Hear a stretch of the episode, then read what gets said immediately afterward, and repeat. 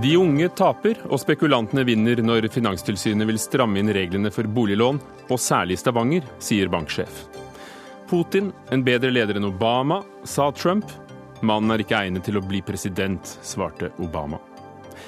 Det nye regelrådet skal kontrollere om regjeringen utreder nye lover og regler godt nok. Halvparten av forslagene får stryk, men det betyr ikke at regjeringen har tenkt å lytte til sine egne råd. Og norsk turistnæring må skjerpe seg, sier professor, og spør om vi lokker turister utfor stupet med dårlig merkede stier og ingen advarsler. Vi har en jobb å gjøre, innrømmer næringen selv, og Turistforeningen kommer også for å fortelle hvor godt det er merket.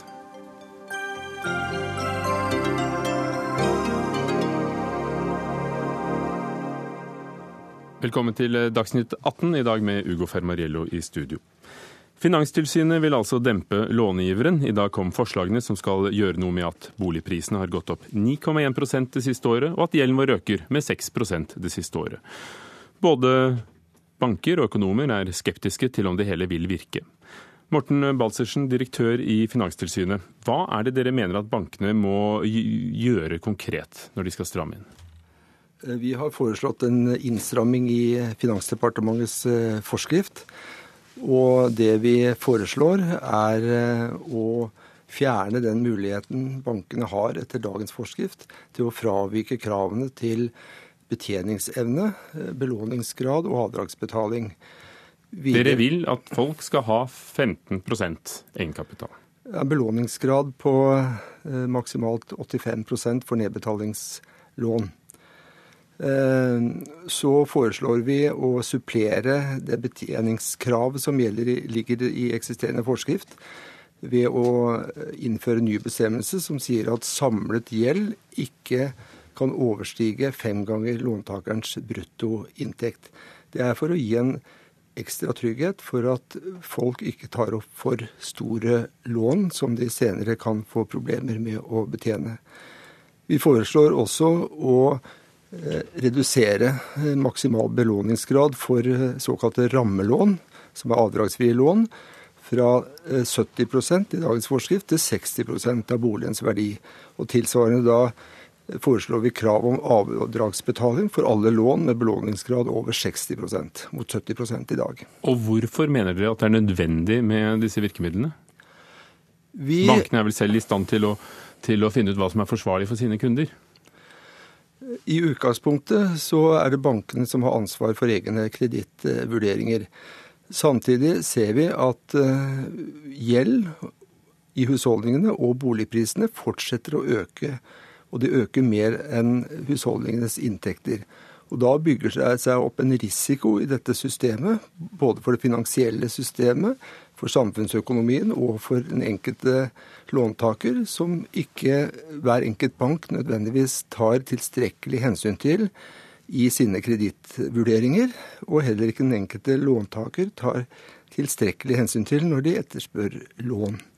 Så for å forebygge risiko både for det finansielle systemet og for den enkelte bank og for den enkelte låntaker, så mener vi at dette er et forholdsmessig tiltak i dag, selv om det kan reises innvendinger mot direkte regulering av utlånspraksis. De, de kommer snart, disse innvendingene. Eh, men det som det er snakk om her, er jo at boligprisene har gått opp eh, mye mer enn andre priser, 9,1% de siste tolv månedene eh, over hele landet. Hvordan vil dette virke på boligprisene? Dette er jo et tiltak som er rettet inn mot uh, opplåningen, ikke mot boligprisene som sådan, selv om vi ser at det er en nær sammenheng mellom uh, gjeld og boligpriser. Uh, sånn at det vil dempe veksten, mener du? Dette er etterspørselsdrevet etter vårt syn, og den lave renten og forventninger om fortsatt lav rente er en sterk drivkraft. Tiltak av denne typen som retter seg inn mot tilbudssiden i kredittmarkedet, kan ikke stoppe en sterk etterspørselsdrevet vekst. Men det kan bidra til å dempe veksten, og på den måten også redusere risikoen for eh, framtidige finansielle ubalanser og problemer for den enkelte bank og, og låntaker. Tor Christian Haugland, konserndirektør i SR Bank i Stavanger. For deg er det kanskje ikke boligprisutviklingen som bekymrer deg mest, men, men hva tror du om sammenhengen her? Vil det ha en innvirkning? Nei, det tror vi ikke. Det vil si at det vi tror og det vi frykter, er spesielt den, to av disse innstrammingene som de foreslår, som handler om at de tar bort fleksibiliteten til bankene til å vurdere kunden litt individuelt. Det tror vi vil ramme de yngste som skal inn i boligmarkedet, gjennom at det blir en maskinell behandling. Det i neste omgang resulterer, tror vi, i at utlånsmarkedet, altså etterspørselen etter utlånsboliger, stiger. Og dermed så får boligspekulanten et større grep på boligmarkedet. Det vet vi er prisdrivende. Og så Derigjennom så etablerer du altså et nytt marked for boligspekulantene, som i aller høyeste grad driver priser. Så prisene går kanskje enda mer opp, tror du? I verste fall så kan de faktisk gjøre det. Og, og, og så er det én faktor til som, som vi ser ut ifra vår portefølje av lån som vi til daglig gir, så er det sånn at de som vil bli rammet sterkest av den begrensningen som går på fem ganger brutto inntekt, det er de yngste. Så kan du si ja, kanskje det er fornuftig. Det ser ikke vi den store fornuften i, i den forstand at det er nettopp disse som kommer til å få økt husstandsinntekt sånn statistisk sett framover fordi de får bygge seg opp ny erfaring, de er ambisiøse, de får jobbe med nye, høyere lønninger. Mens hvis dette hadde vært en problemstilling som var knytta til de på min alder, altså de på 50 pluss, så hadde problemet vært enda større, og da hadde vi hatt større forståelse for at behovet for femgangen var en nødvendig innstramming. Men slik som det foreligger nå, så tror vi dette rammer feil. Eh, og det blir feil virkemiddel. Men vi er jo helt enige med Baltersen og Finanstilsynet om at vi må gjøre noe med den gjeldsveksten som vi har sett de siste årene. Dere rammer eh, unge og, gavner gagner eh, de som vil investere i, i boliger, som banksjefen her kalte spekulanter? En forskrift av denne typen har jo til hensikt å redusere kredittilgangen. Det betyr at det er en del som ikke vil få lån, eller få mindre lån enn de ville ha fått uten en slik eh, forskrift. Men forskriften retter seg inn mot de i utgangspunktet mest utsatte, sårbare eh, låntakerne. Dvs. Si det er de som har eh, minst sikkerhet og lavest betjeningsevne. Så Haugland, eh, Det er jo nettopp for å beskytte de, de yngste som, for at de ikke skal påta seg altfor store byrder. Og, og, og det, er, det, er, jo banker som applauderer disse, disse forslagene. BN Bank f.eks. sier at de er begeistret. De har lenge selv praktisert eh, en grense med 15% egenkapital og maksimalt 60 opplåning eh, av boligen. Danske Bank vil sågar ha 25% krav om egenkapital. Ja, og Der ser du litt av forskjellen. fordi at BN-Bank som et eksempel, det er jo veldig mye baserer seg på eh, modeller der det er nesten maskinell behandling av lånesøknader. Det betyr at A4-kunden den passer veldig godt inn i disse modellene. Men de kundene som, som, som det må tas spesielle hensyn til, altså de har kommet, nettopp kommet inn i boligmarkedet, de er ferdig med en jobb, har ikke foreldre som kanskje kan trø støttende til, men vi har lang erfaring. Vi har 20-30 års kundehistorikk på disse. Vi vet hva de står for. Vi vet hva jobber de har fått. Eh, og Det betyr at da strekker vi oss lenger. Og I dag har dere altså 10% av lånene deres kan dere gi skjønnsmessig. Det vil Finanstilsynet helst ha til null, men sier at skal det nå være litt skjønn igjen, så skal det være 4 Og, og ans, slik, som, slik, som, bildet er hos oss, så er det ca. rett i underkant av 10 og, og vi opplever at det er en veldig fornuftig andel av de lånekundene som vi faktisk gir avvik til. Men uh, la oss høre. Roger Bjørnstad, sjeføkonom og direktør i analysebyrået Samfunnsøkonomisk analyse og selv samfunnsøkonom. Vil disse innstramningene virke etter hensikten? Ja, det er klart at Nå som boligprisene har blitt så høye, så er det svært vanskelig, for ikke å si umulig, for eh, folk med lavere inntekter å komme inn på boligmarkedet uten å ta opp gjeld. Og det er klart, Disse vil jo rammes. og eh, Den delen av boligmarkedet hvor disse ellers ville ha Eh, bolig vil jo eh, få en litt mindre etterspørselsgruppe, men jeg er sterkt tvilende til at dette vil snu den markedsutviklingen vi nå har sett, og at eh, vi med dette tiltaket kan klare å stabilisere boligprisene i de største byene, f.eks. Oslo og Trondheim. Må vi stabilisere boligprisene? Kan vi ikke tenke at dette regulerer seg selv? Jo, dette er jo det, den politikken vi har ført, å overlate dette til det frie markedet. Det er klart det er masse negative konsekvenser ved veldig sterk boligprisvekst. Eh, det blir en segregering av befolkningen, eh, og folk kommer seg jo ikke inn på boligmarkedet. Og det har sosiale konsekvenser, og det har inntektsmessige konsekvenser, fordi eh, boligprisveksten tilfaller jo nå en del av befolkningen som er inne i boligmarkedet. Og de som ikke er inne i boligmarkedet, får ikke del av inntektsveksten. Og det vet de jo veldig godt, og det er derfor de har så hastverk. Vi har jo bak oss en periode i norsk økonomi med veldig god inntektsvekst og en lang periode med lav rente og stigende boligpriser. Eh, da kan det lett feste seg forventninger om at boligprisene skal stige eh, for alltid. Men før eller siden så vil eh, dette snu.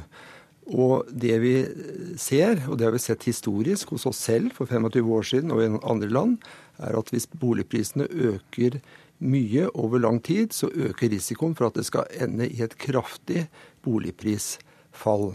Det vil få store eh, ringvirkninger for resten av eh, økonomien.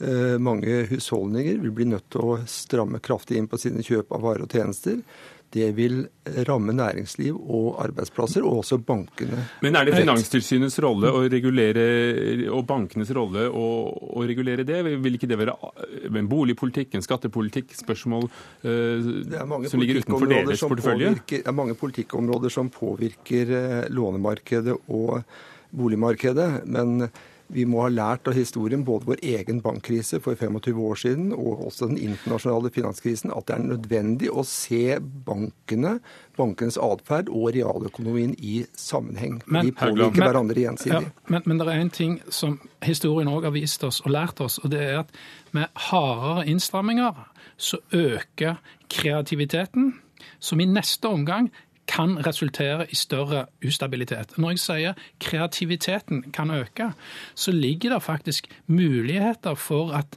bankene kan altså innfri, eller innvilge boliglån med, en, med et bilde av en kunde som faktisk har fremvist at de har tilstrekkelig egenkapital, der egenkapitalen er lånt i gråmarkedet. Og Det betyr at gråmarkedet vil muligens kunne få en oppsving som gjør at det kan stimulere fortsatt til kjøp av boliger, for folk vil ha en bolig. Det er liksom noe av kulturen vår i Norge. Og dermed så gjør de det de kan på en kreativ måte for å sørge for at de oppfyller bankenes krav. Vi tror at det viktigste av alt nå er at det, at gjøres en del andre grep som handler om politisk mot for å kunne bidra til å stagge den boligprisutviklingen som vi har sett i Oslo. Og Der skal vi straks få inn eh, to politikere som skal diskutere nettopp det politiske aspektet.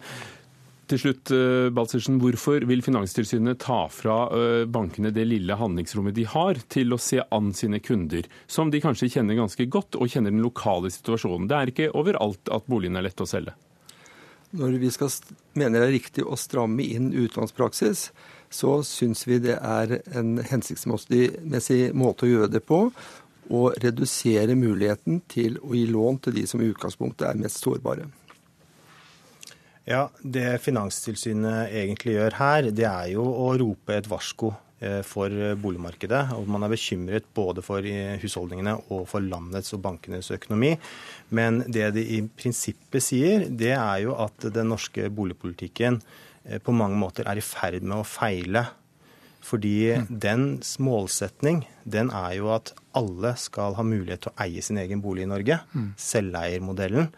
Eh, den lave skattesatsen vi har på bolig, er jo myntet inn på å nå det målet. Men da skjønner man jo ikke markedets logikk og markedets mekanismer for å eh, prise inn denne skatteletten. Og boligprisen stiger, og det eneste måten at folk skal da komme inn på boligmarkedet på, er jo å ta opp gjeld. Men den eh, luken er jo da Finanstilsynet nå lysten på å prøve å, lukke.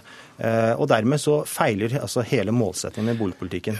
Og jeg har lyst til å påpeke en ting Og det er kort, eh, Haugland? Ja, jeg har lyst til å påpeke en ting der. Og det er at folk betaler faktisk mer ned på lånet nå enn de gjorde bare for tre år siden. Så det er faktisk krefter i oss sjøl som sørger for at vi er fornuftige og gjør nødvendige grep. Ja, men gjeldsveksten stiger jo mer enn inntektsveksten, så den er grei. Og det var vel det også du nikket til. Eh, takk skal dere ha, Morten Balsersen, direktør i Finanstilsynet, som har lagt frem disse forslagene i dag. Og til deg, Tor Christian Haugland, konserndirektør i SR-Bank i Stavanger. Eh, og du, eh, Roger Bjørnstad, du blir sittende litt til. Nå skal vi høre hva politikerne kan tenke seg å gjøre med saken.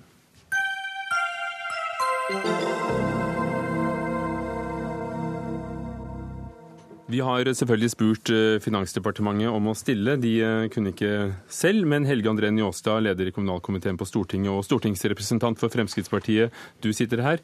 Eh, det er jo ditt parti som har finansministeren. Dette er råd fra Finanstilsynet. Og hvordan Hva vil dere gjøre med dem? Nei, Finansministeren er jo en klok dame som lytter til gode råd, og, og, har allerede i dag sendt dem på høring og, og, og vil lytte til, lytte til, flere som får uttale seg om dette. og så vil, vil hun komme tilbake med, med sine eh, anbefalinger på et senere tidspunkt. Eh, Hva syns dere, da? Vi syns at dette er et viktig område, og derfor har vi jo stort engasjement i, i, boligpolitikk. Og Det handler jo ikke bare om finansministeren eh, og hennes portefølje, det handler like mye om kommunalministeren eh, som ønsker å få færre kommuner, sånn at vi kan få bedre planlegging, eh, færre innsigelser, mer makt til lokaldemokratiet. Og Her har vi gjort masse i de, de tre årene vi har styrt. fordi at Hele problemet her er jo at det blir bygd for få boliger. Det er flere som ønsker en bolig enn da det blir bygd boliger. og Derfor så handler det om at mange politikkområder, både i forhold til Kommunaldepartementet sitt ansvarsområde, finansministeren sitt ansvarsområde, må finne sammen. og Det er jo derfor vi eh, trenger denne regjeringen som er offensiv i forhold til boligpolitikk, eh, har lagd en strategi, og så ønsker å komme tilbake allerede i statsbudsjettet med enda flere tiltak. Eh, fordi at Vi er opptatt av at den norske modellen med at man skal eie sin egen bolig, skal gjelde flest mulig, og vi ønsker at det skal bygges nok boliger. Derfor... Og, og Dere gikk jo da med på midlertidige forskrifter som begrenset bankenes muligheter til lån i forhold til egenkapital. Hvor det, en ting er boligene. Hva med folk? Hvis folk har lyst til å ta opp, eh, ta opp lån, hvordan harmonerer det med Fremskrittspartiets politikk om å, å, hindre dem i det, hvis de tror de kan eh, stå for dette? Nei, vår politikk handler ikke om å, om å hindre noen i, i, å ta opp lån. Vi har jo eh, i hele vårt virke sagt at dette skal praktiseres fleksibelt, og at, at, man skal kunne komme seg inn på boligmarkedet, legge til rette for det. Men samtidig så handler vår politikk òg om at Dere var jo med å innføre strammere regler da, som minsket fleksibiliteten, og nå vil Finanstilsynet ha enda mindre fleksibilitet? Jo, men vi praktiserte det fleksibelt og var veldig tydelige på det. Vår politikk er at eh, er på mange felt innenfor dette området. Det aller viktigste for oss er jo å få ned boligprisene. Eh, det handler om å tilrettelegge forskriften på en bedre måte. Eh, der har vi gjort masse. Vi overtok etter en regjering som innførte klimaforlik som ble dyrere, som la TEK10 som ble dyrere. Så gjorde den ene tiltaket etter det andre for å gjøre det dyrere å bygge. Så ga Fylkesmannen mer makt, sånn at det ble vanskeligere å planlegge. Lagde en ny plan- og bygningslov som gjorde det at det tok lang tid å planlegge. Alle disse tingene jobber vi hver eneste dag med å forenkle. Nå ligger det i Stortinget en forenkling av plan- og bygningsloven som skal få ned planleggingstida. er kjempeviktig. Eh, og Vi håper jo på at vi får flertall for det. fordi at eh, Skal vi lykkes med dette, så handler det om at vi må bruke mange politikkområder. og Det aller viktigste er plan- og bygningsloven, og at vi får kommuner som blir ja-kommuner, sånn at de kan bygge nok boliger som folk trenger. Torstein Tvedt Solberg fra Arbeiderpartiet, dere satt jo i regjering i, i åtte år og beredte grunnen for den prisveksten for boliger som har vært, og som har pågått lenge. Jeg må innrømme at jeg er veldig bekymra og blir enda mer bekymra når jeg hører Frp snakke her nå. For både Frp og Høyre har jo løpt fra egne valgløfter på dette området. I tillegg så har de stått og sett på et boligmarked som har løpt helt løpsk. Og jeg tror folk ser at det ikke er som Njåstad sier, at, at en har gjort, gjort nok. Den boligpolitikken vi ser nå, det er på langt nær godt nok. Vi mener det trengs et mer helhetlig grep, der vi både får til noen av de tingene som Finanstilsynet i dag sier, kortsiktige, viktige grep. For du mener det vil eh, være en god idé, og det vil eh, gjøre noe også med boligprisene? Ja, Det er helt klart det er viktig å få på plass noen av de kortsiktige grepene nå. Det tror vi at det må stramme inn. Så er jeg samtidig enig i den forrige debatten så ble det sagt fra Vestlandet og fra SR-Bank at det er viktig at eh, bankene har en viss lokal fleksibilitet. Det er vi òg opptatt av, sånn at en kan vise skjønn, men at det trengs innstramninger. Det er vi òg enige på, men det regjeringen svikter fundamentalt, er jo på boligpolitikken. Her har en kutta i Husbanken. Her ser en et boligmarked som bare løper løpsk, og er jo spesielt bekymra for de unge.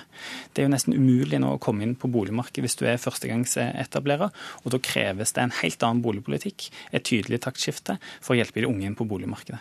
Men, Husbanken som middel, Helge André Njåstad? Eh, Husbanken er viktig å spille en viktig rolle i forhold til bygging, men det aller viktigste er jo at kommunene bygger nok boliger. Eh, nå sitter Arbeiderpartiet med over halvparten av landets ordførere, og det blir bygd for få boliger. Eh, men mitt spørsmål til, til Arbeiderpartiet er jo, er dere med på de forenklingene i plan- og bygningsloven som landet trenger nå, eh, eller skal dere kritisere regjeringen òg der for at vi gjør for mye i forhold til å forenkle? Jeg syns folk fortjener at Frp tar ansvar. Nå er det dere som sitter i regjering og som ikke tar de grepene som er nødvendige. Og Vi fremmer før, eh, før, sommeren i Stortinget f.eks. For et forslag om at en skal kreve eh, at det, at det bygges flere boliger i kommunen. At vi fra Stortinget i større grad skal styre hvordan boligbyggingen blir ute i kommunen, at en skal sette tydelige mål. Det er et forslag som har fått brei støtte òg fra Eiendom Norge, som er tiltak som kan virke på lang sikt. Så Det håper jeg jo òg at Fremskrittspartiet er med. Men den tilbakelente holdningen som ja, de som nå styrer viser, syns jeg er veldig, veldig skummelt. Stoler du ikke på lokalpolitikerne, dine egne 200 ordførere, at de får til å bygge boliger hvis, hvis vi forenkler loven? Det her beviser en jo bare at en passivt står og ser på den utviklingen som er i boligmarkedet. Skal en ta, få ting til, skal en få tatt grep, skal en få snudd den utviklingen en nå ser, så kreves det nye og andre løsninger. og Det får ikke denne regjeringen til. Det har de vist. Men når det gjelder nei, nei, nei. finanspolitikken, så var det vi begynte med å diskutere her, og hvor lett det skal være å ta opp lån. Eh, de lånene som gjør at eh, folk eh, stadig kan betale mer for å kjøpe seg inn i boligmarkedet. Er det bare uh, långiveren og, uh, hos folk og hos bankene det står på? Har det ikke også noe med skattepolitikk å gjøre? Flere økonomer snakker jo om nettopp at det er så attraktivt i Norge å investere i eiendom i stedet for i, i aksjer i næringslivet. Det er jo klart at Folk må jo ha bolig. Det er jo ikke noe de kjøper på, på, på moro skyld. og vi ønsker jo å legge til rette for at Men folk, folk kan jo kjøpe en større bolig for moro skyld? De kan bo mer sentralt for moro skyld? Eller investere pengene, ekstra penger eller hjelpe et barn for moro skyld? Nei, ingen som hjelper egne barn av, av moro skyld. Folk trenger en bolig. og Hovedproblemet er at det blir bygd for få boliger fordi det tar for lang tid å planlegge. Og Arbeiderpartiet kan ikke snakke seg vekk på at de stemmer imot våre forenklingsforslag og så snakke om at man skal ha en statlig politikk for å sette måltall. Det er jo bare en stor mistillit til lokalpolitikerne og Arbeiderpartiet sine 200 egne.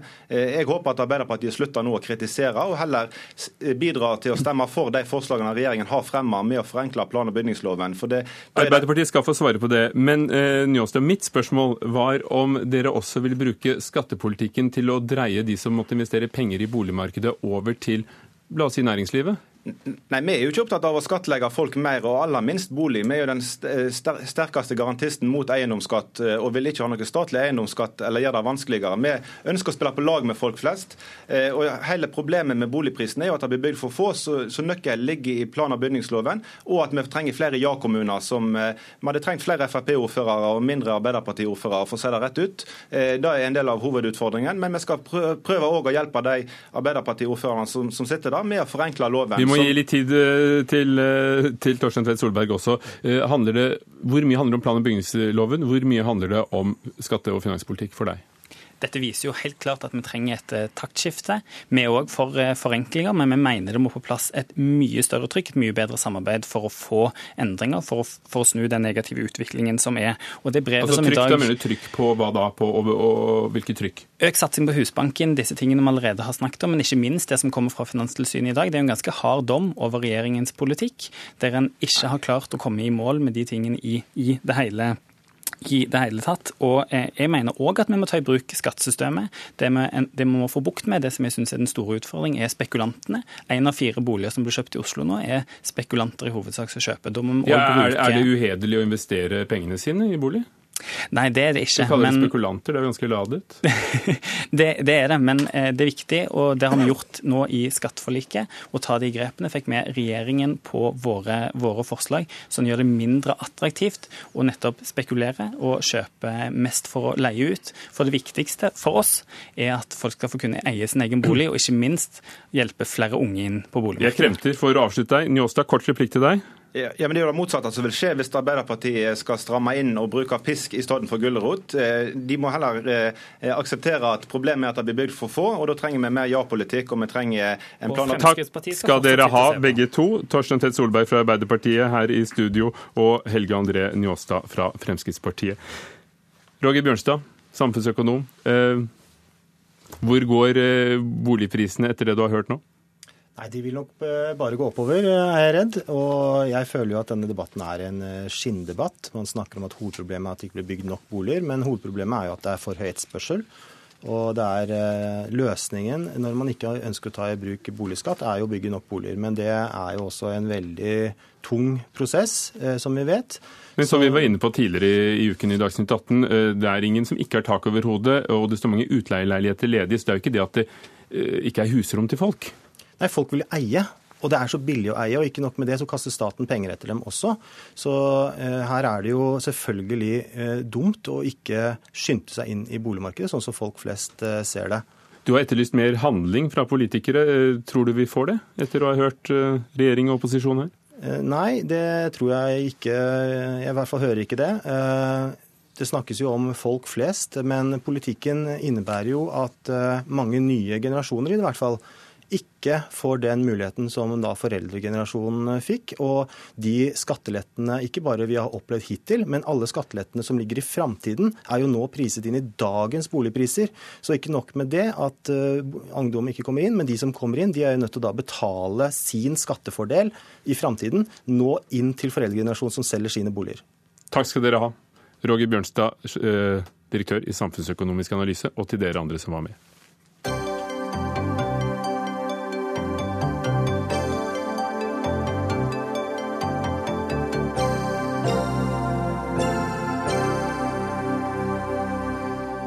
Donald Trump har gjort igjen, sagt noe som får verden til å sperre opp øynene og spisse ører. If he says great things about me, I'm going to say great things about him. I've already said he is really very much of a leader. I mean, you can say, oh, isn't that a terrible thing? He called, I mean, the man has very strong control over a country. Now, it's a very different system, and I don't happen to like the system. But certainly in that system, he's been a leader far more than our president has been a leader. We have a divided country. We have a country where you have Jeg er ingen tilhenger av systemet, men Putin er en bedre leder enn Obama er i korthet hva eh, presidentkandidat i USA Donald Trump sa her på kanalen NBC da han og Hillary Clinton ble utspurt om forsvarspolitikk i går kveld om bord på et hangarskip i New York. Det var et uh, toppmøte med politikere og krigsveteraner og andre fremtredende personer. Tove Bjørgaas, vår korrespondent i Washington. Trump har nærmest gjort det til en, en vane å hylle den russiske presidenten. Eh, hvilke reaksjoner er kommet i USA? Det at han sier at, Putin, at han har større respekt for Vladimir Putin enn for president Obama, det får folk til å steile her, i hvert fall på demokratisk side, men også langt inn i hans eh, eget parti. Men mye av det han sa i går, det har vi jo altså da også hørt før. Og han sa jo også mange ting som ikke stemte med virkeligheten. Eh, og programlederen for NBCs eh, forum i går får også kritikk for ikke å ha gått nok etter Trump når han eh, f.eks. sa at han alltid hadde vært mot krigen, invasjonen i Irak, noe som ikke stemmer. Vi, det var ikke bare han som sa at han var dårlig forberedt. Altså, Obama sa i dag at jeg syns ikke typen er kvalifisert til å bli president i USA. Og, og hver gang han snakker, så jeg, blir jeg ekstra sikker i min sak og sa at har, Trump har ikke gjort hjemmeleksene sine. Um, men kan det likevel ligge en eller annen utenrikspolitisk strategi eh, i Trumps uttalelser? Ja, jeg tror det han sa i går var helt planlagt, og at eh, han visste omtrent hvilke spørsmål han kom til å få, men at dette ikke er tilfeldig at han sier dette. Trump har altså nå fått en ny kampanjeledelse som befinner seg langt ut på den høyre populistiske siden, eh, og han forsøker nå å spisse budskapet sitt til sine kjernevelgere. Men det som også skjedde i dette forumet, som altså er første gang vi ser Hillary Clinton og Donald Trump på samme scene, riktignok ikke samtidig, men like etter hverandre, i en utspørring, det var at Clinton framsto som eh, stiv eh, veldig alvorlig, nesten litt stressa. Eh, mens Trump som sagt sier mye rett fra levra, men var avslappet og framsto som en mer sympatisk politiker, mener mange. Og det er det stor oppmerksomhet rundt her, for nå kommer jo snart disse debattene mellom disse to. Og, og, og Clinton gjorde en såpass dårlig figur at hun i dag til og med har holdt en pressekonferanse for første gang på 278 dager. Så det er litt oppsiktsvekkende. Vi skal komme tilbake til, eh, til deg, eh, Tove Bjørgaas i Washington. Morten Jentoft, eh, korrespondent i Moskva. Dette må vel være godt stoff på russiske forsider?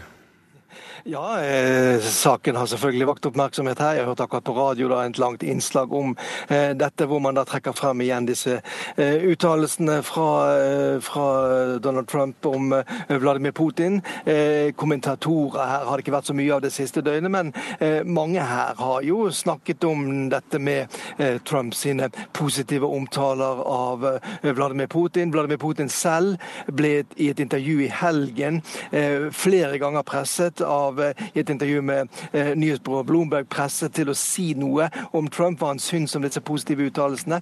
Men eh, Vladimir Putin, som jo er en erfaren politiker, han vet at her må han være forsiktig, så det nektet han å si. Han ville ikke uttale seg verken om den ene eller andre kandidaten, bare at man, han håper at USA får en, som han sier, en ansvarlig politiker.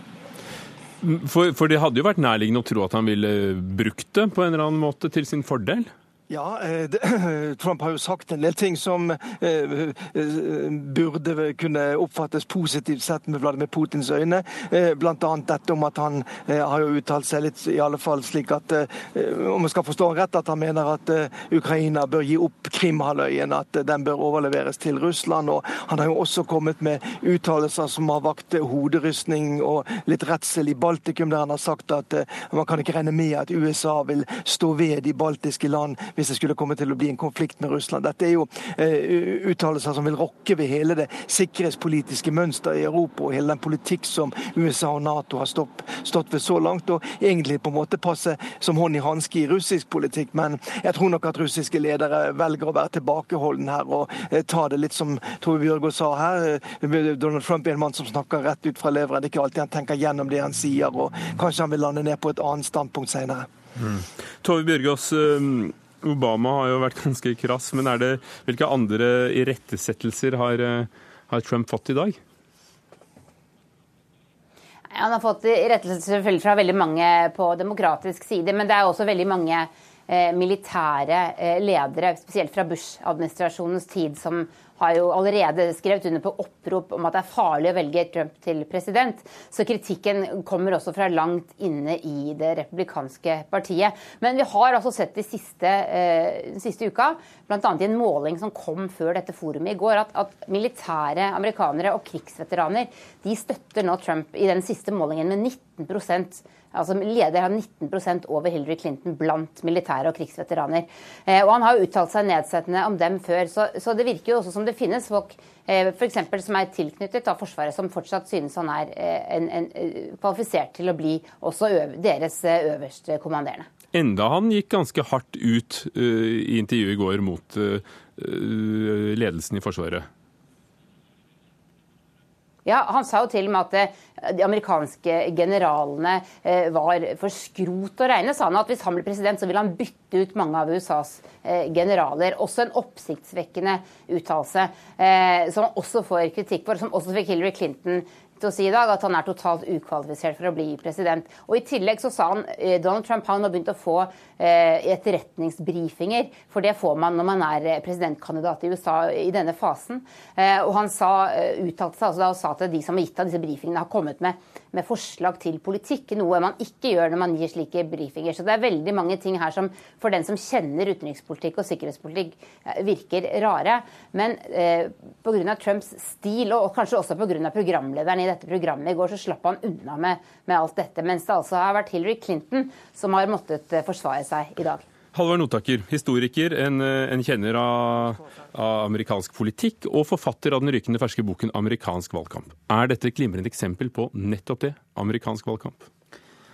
Det er jo vanlig i amerikansk valgkamp at i hvert fall en del av spillet er å få samtalen til å handle om negative ting ved den andre kandidaten, sånn at folk tar stilling for og imot den andre kandidaten. Og noe av det som skjer nå etter dette forumet, er jo at Hillary Clinton da med denne pressekonferansen og det hun sa der om Trump, og alt det Trump selv gjorde, som vanlig, får vi si, får samtalen etterpå til å handle om hvorvidt Trump er skikket for dette her, eller ikke. Om han ikke om man, eh, man, er enig eller ikke med han, men om man øh, kan risikere han.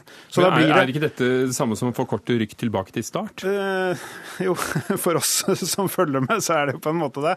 Men det som, det som vi snakker om her med, med, Hillary Clinton, og om hun var litt sånn avmålt, og om hun fikk det til helt, det tror jeg kanskje drukner i alt dette andre. Fordi Donald Trump er så oppsiktsvekkende. Det er sånn han har operert hele veien. At han, eh, han får alltid handle om seg, men gjennom sommeren så, så vi at det har en pris hvis eh, det man diskuterer omkring han er om man er skikket til dette her. Om, om, man kan ta sjansen på å ha han der. Så uh, jeg tror Jeg syns det virker som en del uh, fornuftige mennesker sier, og jeg syns det virker som selv òg, at Donald Trump tjener mest på at samtalen dreier seg om Hillary Clinton og hennes svakheter. Eh, det er da det ser ut til at han går fram på meningsmålingene, i hvert fall. Eh, og, at han kanskje tjener på å være litt mer eh, grå og litt kjedelig, sånn at man får tid til å snakke om hva som er problemet med Hillary Clinton. Men det, det har jo han sørget effektivt nå da, for at ikke ikke kommer til å skje dette døgnet, i hvert fall. Men Clinton har da kalt ham for upatriotisk og også skremmende. Men er det andre som er opptatt av i det hele tatt det at han hyller Putin som en større leder av Obama, om det er noe uamerikansk ved det? Jeg tror vi kan se på det som en del av et sånt hovedbudskap han har hatt, som han, som han brukte hele landsmøtetalen sin til, blant annet. Og det var å si at USA er et land i krise. USA er et land som er gått helt av skinnene. Og da koster det kanskje ikke så mye å si Det bygger opp under det budskapet, da, å si at presidenten er dårligere enn den russiske eh, presidenten. Da er det, det er en nasjonal krisesituasjon hvor han stiller seg opp som redningsmann. Så får vi se om, om folk kjøper det. Tove? Men hvis jeg kan fortsette etter Tove, ja, Tove er klar, så, så, så, er det, det er et poeng her at folk vil jo ha en sterk commander in chief, som var det som var navnet på denne, uh, dette forumet i går. Det handler om den militære lederen. Og da vil man ha en sterk person. Og det Hillary Clinton gjør, det er å si at han er ustabil, ikke sterk. Hvis du har sagt han var slem, så hadde han også vært sterk, men han er ustabil og skummel. Tove Bjørgaas, der er du med igjen. Eh, kan dette utspillet være et utslag av hans nye valgkampledelse fra en type som de fleste har kalt en bølle, som er kampanjelederen hans? Jeg tror som jeg, som jeg, sa, at dette ikke var noe tilfeldig, at han sa, det han sa om Putin i går.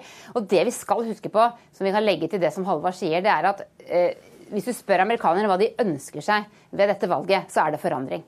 Eh, og det eh, er jo da spørsmålet hvor mye tør de å stole på at Trump er den forandringen de ønsker seg. Så langt så har det jo virket som de ikke tør å stole på det, at Hillary Clinton da har ligget langt foran på målingene.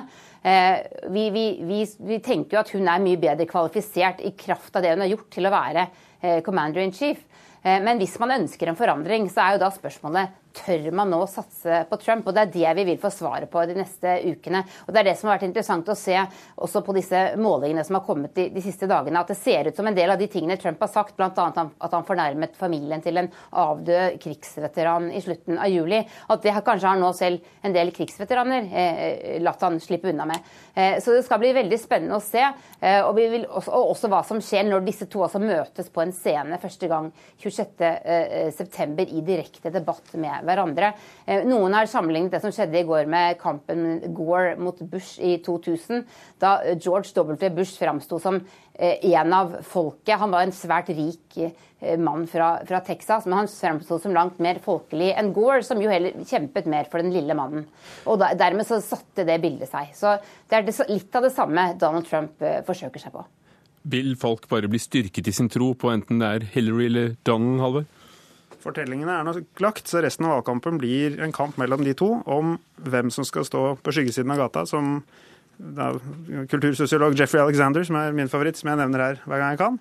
Det er det det handler om. Og i dag er det kanskje Trump som står i skyggen, så får vi se hvem debattene, om debattene skyver Hillary over. Takk skal dere ha. Halvard Notaker, historiker og forfatter av amerikansk valgkamp, og korrespondent Tove Bjørgaas i Washington.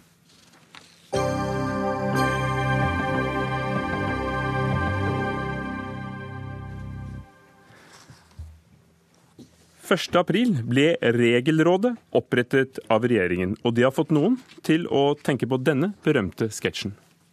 Og I Supperådets nybygg her på Øksnes finner vi rådets formann. Det er informasjonskonsulent Balle Klorin. Du har vært ansatt her to år. Hvor, hvor, hvor mange har de ansatt her? 400-500 stykker. Den berømte sketsjen med Harald Eide Steen jr. og Rolf Wesenlund fra 1969. Men eh, Regelrådet det er et eh, råd som skal gjennomgå alle forslag til nye lover og regler, for å sjekke om de er godt nok utredet, og om de påfører næringslivet en unødvendig eh, byrde. Nå er første dom klar. Halvparten av de åtte forslagene Regelrådet har gjennomgått, står til stryk og må enten utredes bedre eller trekkes tilbake, skriver Dagens Næringsliv. Og vi har spurt både Barne- og likestillingsdepartementet, Finansdepartementet, Nærings- og fiskeridepartementet og Landbruks- og matdepartementet, som står bak disse forslagene, eh, og ingen hadde mulighet eller ønsket å stille i dag. Men altså, Geir Pollestad fra Senterpartiet, du leder næringskomiteen på Stortinget. Hva har fått deg til å kalle Regelrådet for det vi hørte her, et supperåd? Nei, Vi har et eh, byråkrati under denne regjeringen som er i eksplosiv eh, vekst. Og så er altså svaret å opprette en byråkratisk enhet som skal avgi rådgivende uttalelser. Og på toppen av det hele så lar regjeringa være å følge opp de uttalelsene som de har fått.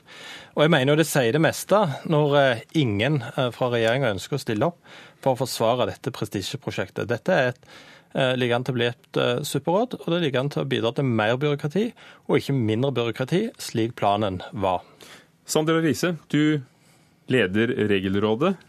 Eh, du ble ikke for støtt av sammenligningen først her? Jeg overlever det. Hva er det dere skal? Hvis du kan si det med dine ord. Hvis jeg skal si det med mine ord, så skal vi på lang sikt egentlig bidra til at vi blir overflødige.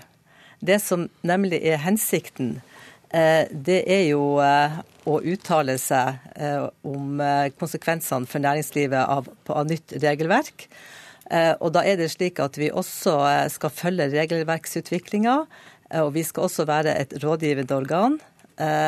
Og det som er, er veldig viktig å, å, se på, det er jo at bakgrunnen for at vi er etablert, er jo at det har evalueringer viser Eh, at konsekvensutredningen for næringslivet gjennomgående er for dårlig. Men går dere og, og sjekker at, øh, og hører med næringslivet, eller går dere bare og sjekker om næringslivet er blitt hørt? Eh, vi skal sjekke at utredningsinstruksen er fulgt. Og der er en ganske god veileder til den utredningsinstruksen, og det skal vi følge. Men det er klart, vi har kontakt med næringslivet og vi har kontakt med myndigheter, men selv som selvstendig organ så er vi uavhengige. Halvparten av forslagene som dere har fått på bordet, har dere gitt rødt lys. Eh, noen har gitt gult lys, og så er det et par som har gått gjennom og fått grønt lys. Hva sier det om eh, regjeringens arbeid? Det sier vel egentlig at eh, det hadde sin misjon, det å etablere det regelrådet.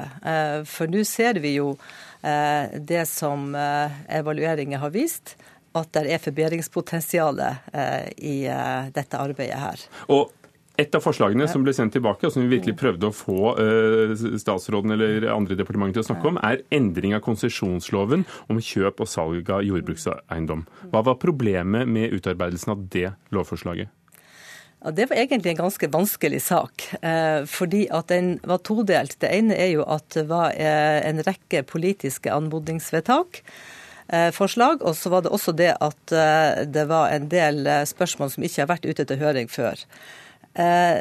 Det kan være stor politisk uenighet, men det vi skal se på, det er jo når saken først er sendt til høring, når saken berører næringslivet, når det ikke er fraveket utredningsinstruksen som man har mulighet til, og saken er sendt til oss, da må vi eh, se og vurdere eh, om konsekvensene er utreda. Og i denne saken var det ikke det. Vi går ikke inn i politikken, vi går på å se at konsekvensene er utreda. Så dere fryktet at det var noe som kunne bli til ulempe for eh, for økonomien? Eh, det, det, er ikke det som er vår oppgave. Vår oppgave er at saken skal belyses slik at eh, de som skal gi høringsuttalelser, og de som skal fatte vedtak, har den informasjonen som de skal ha, slik at vi får gode lovprosesser.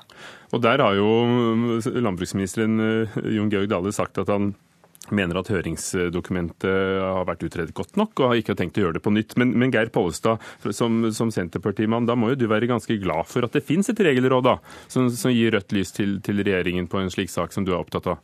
Det er å si at uh, kritikken vår er ikke retta mot uh, Regelrådet som sådan og folka som jobber der.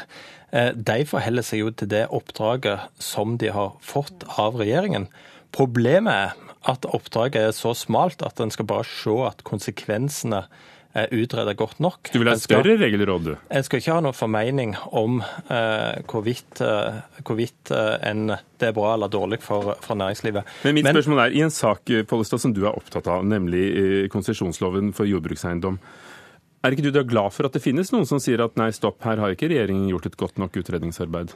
Jo, men vi trenger ikke et eh, statlig finansiert eh, etat for å gi den eh, beskjeden. Det skal vi i opposisjonen greie helt fint. Det vet jeg òg at Norges Bondelag har gitt beskjed om at det er for dårlig. Problemet er jo at regjeringa ikke lytter til sitt eget prestisjeprosjekt, Regelrådet, og bare gir blaffen i de innvendingene som kommer. Og Det er jo da en er ille ute å kjøre. Når en først etablerer et sånt råd, bruker mye penger på å finansiere det, og når det kommer kritiske innvendinger, så lytter en ikke til det. Fordi jeg er praktisk nok anlagt til å tenke at eh, når vi først har et regelråd, så bør det jo iallfall ha en funksjon.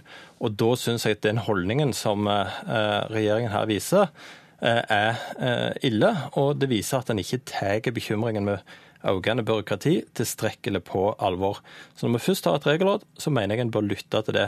Men en bør se på mandatet til regelrådet, sånn at de kan være mer ei vaktbikkje enn det de er i dag. Vi kan høre med Iselin Nybø, stortingsrepresentant for Venstre. Dere var pådriver for å, å opprette Regelrådet.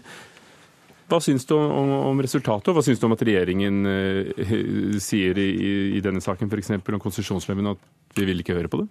Altså, bakgrunnen for at Venstre var for dette og ønsket å få det på plass, er jo nettopp det som vi har snakket om her. Vi har sett en økning i byråkratiet som koster næringslivet både penger og arbeid eh, å, ha, å, å, holde tritt med. Mer enn de ti millionene i året Regelrådet koster? Ja, det vil jeg tro betydelig mer. Eh, så jeg tror det er et stort eh, innsparingspotensial i næringslivet hvis vi, hvis vi, klarer å gjøre noe med, den, eh, med, det byråkratiet som vi hele veien påfører næringslivet. Eh, og så har vi sett, fordi i Venstre så er vi opptatt av å prøve å ta, ta grep grep når vi ser problemstillinger. Eh, og da så vi Sverige. De har gjort noe tilsvarende der. De har hatt stor suksess i Sverige. Jeg syns det er altfor tidlig å dømme eh, Regelrådet nord og ned når de knapt har starta arbeidet sitt. Dette er noe som, som, de har begynt på. Og det vi ser her, det er at det er mye å ta tak i. Og så er det klart at vi er avhengig av at regjeringen hører på Regelrådet og gjør noe med det. Eh, det må regjeringen sjøl svare for. Men, men hvis det er behov vi prøvde å få dem til ja, å gjøre det. Ja, det forstår jeg. Men hvis det er behov for å, for å, gjøre justeringer på mandat eller gi flere sanksjonsmuligheter til Regelrådet, så er jo det selvfølgelig noe vi skal, skal, ta opp og se på.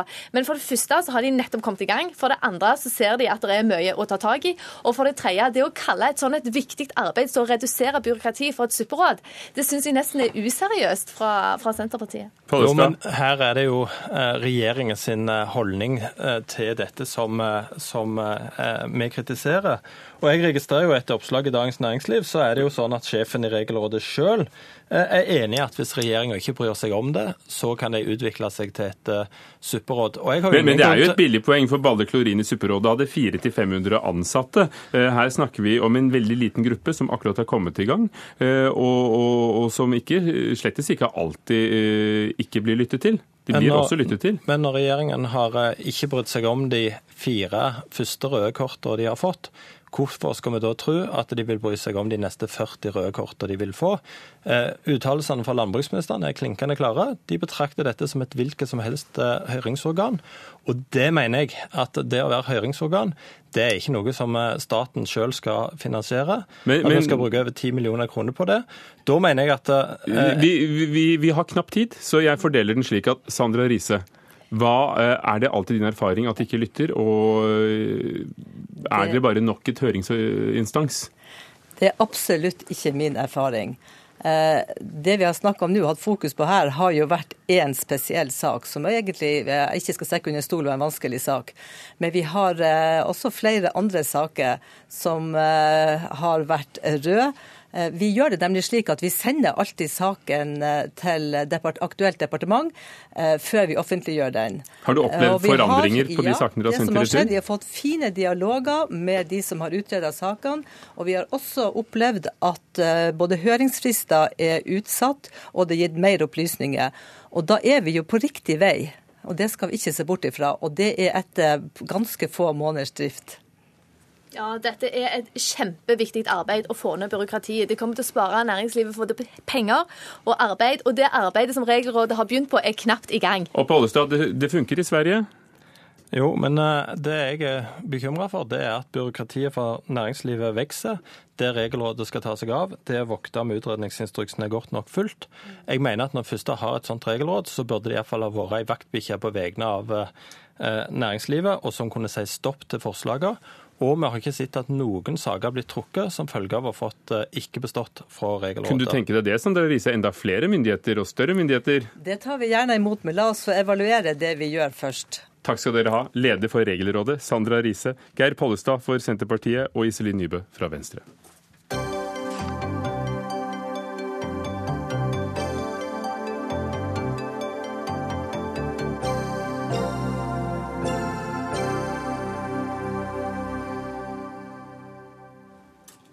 Lurer vi turistene utfor stupet? Det er spørsmålet som blir stilt i Aftenposten i dag. I en kronikk blir det nemlig påstått at norsk turistnæring gir en for eh, glanset fremstilling av naturen vår for å lokke uh, turivrige turister til landet, og så tar de fatt på turer de kanskje ikke er skikket for.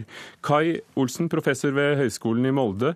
Du er også forfatter et titalls bøker om, uh, om turgåing både i Norge og i utlandet. Du har stilt dette spørsmålet i Aftenposten i dag. Hva er ditt svar? Lurer vi turistene? Ja, jeg vil si vi gjør det. Selvfølgelig ikke direkte utfor stupet, men på mange måter kan det virke sånn. Altså, Jeg har vært på Google, gjort noen søk på engelsk for å se hva turistene får av beskrivelser. Og det er jo selvfølgelig flotte bilder, lett, fin tekst. Alle forteller om hvor fint det er. Og så er det nesten ingen advarsler. Hvordan hadde de det, de turistene du møtte på, på din siste fjelltur? Hva sa du? Eh... Hvordan var det med de amerikanske turistene du møtte på fjelltur? Nei, De hadde jo problemer. De gikk Romsdalseggen, altså det er en tur mellom Vengedal til Åndalsnes. Et veldig flott tiltak. Men de hadde jo fått en brosjyre i hånden. Den sa ingenting om at det var søle og glatte svaberg og ur og stein. Eh, I tillegg så var kartet i den brosjyren, og det ligger fortsatt på nett, det er feil i forhold til terrenget. Og de navnene sto på kartet, de sto ikke på skiltene. Så at de amerikanerne var forvirret, det forsto jeg utmerket godt. Men hvem har ansvaret? Har ikke uh, enhver turist selv ansvaret for å få et, et, oppdatert kart i hånden og ha med seg nok av utstyr og, og fjellstøvler med, som, ja. som holder anklene på plass? Det kan du si, men når du får et kart, så stoler du vel på det. Men litt av problemet her er at jeg tror veldig mange turistene har gått fjelltur før, men de har ikke gått i Norge. Og Jeg har sjøl gått mye i Pyreneene, i Dolomittene i USA og mange andre land. Og Det som er felles for alle de land, er at det er veldig godt tilrettelagte stier. Det er tørre stier, det er god merking, det er skilt, og så finner du kanskje en restaurant på toppen. Det er ikke sikkert vi skal ta det tilbake til Norge. Men vi må forstå at disse turistene kommer med andre forutsetninger enn det vi har. Og Da blir det viktig at de møter advarsler på nett. Bilder av søle, bilder av glatte svaberg, bilder av snø på stien. Alt sånn som vi som nordmenn vet at vi møter på en sånn fjelltur. Håken Christensen, seniorrådgiver i Innovasjon Norge. Er dere med på å gi et litt forlokkende bilde, og for forlokkende bilde av Norge? Hvor blir det av bildene av de, den endeløse stien i tåke i myr? Ja, det kan du godt spørre om. Eh, jeg vil først først... Nei, Hva er svaret, da? Svaret er at vi bruker selvfølgelig fine bilder. Det er en del av markedsføringen. Men vi legger også ut veldig mye fin og riktig informasjon som handler om hvordan man skal kle seg, hvordan man skal ta på seg de riktige skoene, at man ikke skal gå med pensko. Eh, vi gir informasjon om at man bør ha med seg eh, en sekk på ryggen med mat og drikke på de lengre turene. Og det står også skilt langs de, de viktigste turene som forteller om farer man kan oppleve underveis. F.eks. på Trolltunga, hvor det er en lang og tøff tur. Eh, får man advarsler underveis hvis du har gått tre km og klokka er klokka tolv, så må du snu. Og Det er type informasjon som er kommet opp de siste årene nå, fordi vi ser at mange av de som kommer hit, de ikke, har ikke de samme forutsetningene som, eh, som, turister som kom tidligere. Dere markedsfører jo Norge i utlandet, men ser du også at dere har en rolle i Norge? Kanskje ved å jobbe sammen med Turistforeningen eh, eller andre lokale lag for å, å, gi disse advarslene og, og, sørge for at folk ikke bare blir sluppet av på en bussholdeplass og utgår de? Absolutt. Og vi har et godt samarbeid med, med. Vi har en samarbeidsavtale. Vi har i lengre tid, i mange år, jobbet med sikkerhetsbrosjyrer sammen med DNT, sammen med Røde Kors, NHO Reiseliv og andre aktører så har vi sikkerhetsbrosjyrer som er tilgjengelig for aktører i reiselivet på turistkontorene, på, på sine hytter. Men de, de, slår ikke imot deg når du går inn på, på, Nei, på sidene kan, for Norge? Vi kan bli bedre på det. Vi kan bli bedre på distribusjon, vi kan bli bedre på å spre det. Men så er det også en utfordring. Vi får en del tilbakemeldinger på at informasjonen når frem. Og, og, mange av turistene ser og vet hva det handler om, men de hører ikke på den. Senest et eksempel fra TV 2 i, i Trolltunga forrige helg, hvor en amerikansk turist sa akkurat det jeg nå sa. De så informasjonen, de fikk advarslene, men de valgte å gå uansett. De har to dager her, og de skal gå Trolltunga. Mette Hab et øyeblikk, du skal få komme inn, eh, Olsen. Men eh, Mette Habberstad, kommunikasjonssjef i Den norske eh, turistforening. Er det et spørsmål om kultur? At vi har en annen fjellkultur? Vi er vant til å klare oss selv. Vi vet at det stupet, det er ikke noe gjerde før stupet, og den neste røde T-en er ganske langt unna. Mm. Ja, det er helt klart uh, slik at uh, Den norske turistforening og uh, Norge som sådan er vant til, å, til, at folk klarer seg selv på tur, og har oppfordret veldig mye til at man må ta ansvar for egen sikkerhet når man er ute og går. Fjellvettreglene som vi har revidert og lansert på nytt, de appellerer jo veldig til det og skal sette folk i stand til å ta ansvar. Um, og så er er vi nødt til å ta inn over oss at eh, det, det, det, er jo fantastisk at enda flere vil ut og gå på tur. Eh, og at det ikke bare er eh, internasjonale turister, men også mange i Norge som nå begynner å ta naturen i bruk. Og det krever litt annen kommunikasjon enn det man kanskje har gjort tidligere. Og kan også være behov for annen tilrettelegging på de mest populære områdene. Kai Olsen, de, har vi vært for strenge i Norge? Altså for strenge i forhold til hvor mye vi skal tilrettelegge, og, og, og purister kanskje, når det gjelder det med fjellet? Ja, eh, det, det, føler jeg. Vi har jo hatt den ideen at fjellet skal være slik det er. Men det er klart, da kan ikke du ha 200 000 besøkende. Så jeg tror at det med god informasjon det er det første punktet. Og Neste punkt er at du må tilrettelegge. Og Da er vi heldigvis i gang, men jeg tror vi må gå lenger. Vi må ha noen nødbuer på de lengste turene og sånne ting. Kan man si at Det er ikke riktig å ha sånne ting i fjellet, men det er helt nødvendig, for du klarer ikke å stoppe disse turistene. Men som, natur, som naturelsker og, og turgåer, eh, Kai Olsen, har du, har du, lyst til å ha det som i Alpene? At du, du kommer opp til toppen, og så, så blir du servert en øl og et måltid uh, der?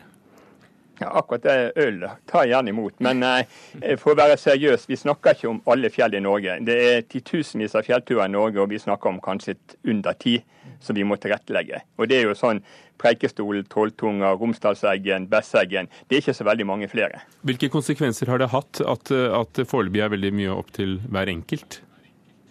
Ja, altså, jeg tror jo det at mange av disse redningsstasjonene er unødvendige. Altså, Hvis du har nødbuer, så kan du dirigere disse turistene til nødbuen, og kommer de dit, så kan vi definere de som reddet. Ja, jeg, jeg... Og, eh, ja. Ja, Haberstad. Nei, jeg tenker at uh, Til nå så har Den norske turistforening tilrettelagt uh, 22 000 km med stier i fjellet. Det er 286 000 medlemmer som er med og finansierer den jobben. Dette gjøres på frivillig basis. Det er 600 000 dugnadstimer som legges ned i å fri, holde ved like dette. Jeg skulle til å spørre deg, Er det en for stor oppgave for en, en organisasjon av frivillige som DNT er? Altså, jeg, jeg tenker at Det må helt klart en ordentlig dugnad på plass hvis vi skal gjøre denne jobben godt på de områdene hvor det er størst press. Og når eh, sant, Innovasjon Norge og andre har gjort en kjempegod jobb nå med å invitere eh, internasjonale turister til Norge, og da må vi være godt vertskap og ta dem godt imot også. For Hvis turismen er nye gull, og det er snakk om noen få ruter som er de store høydepunktene à la Besseggen og Preikestolen, så er det kanskje ikke brosjyrer, men gjerder som skal til? Ja. Og kanskje dere skulle vært med å betale det, og ikke bare brosjyrene? Ja, nei. Et, et øyeblikk, Olsen. Jeg vil bare høre hva Vi har allemannsrett i Norge, eh, og den ønsker vi ikke å innskrenke. Det vi tror på, er enkel tilrettelegging, styring av ferdsel gjennom skilting, merking og gradering. Eh, og sånn som man nå gjør på Trolltunga, med å sette opp nødbur der hvor det er behov. Slik at de som blir slitne eller de som, som, går seg tomme, de kan faktisk sette seg ned og få en pause. Kai Olsen, hører du noe som gir deg eh, håp?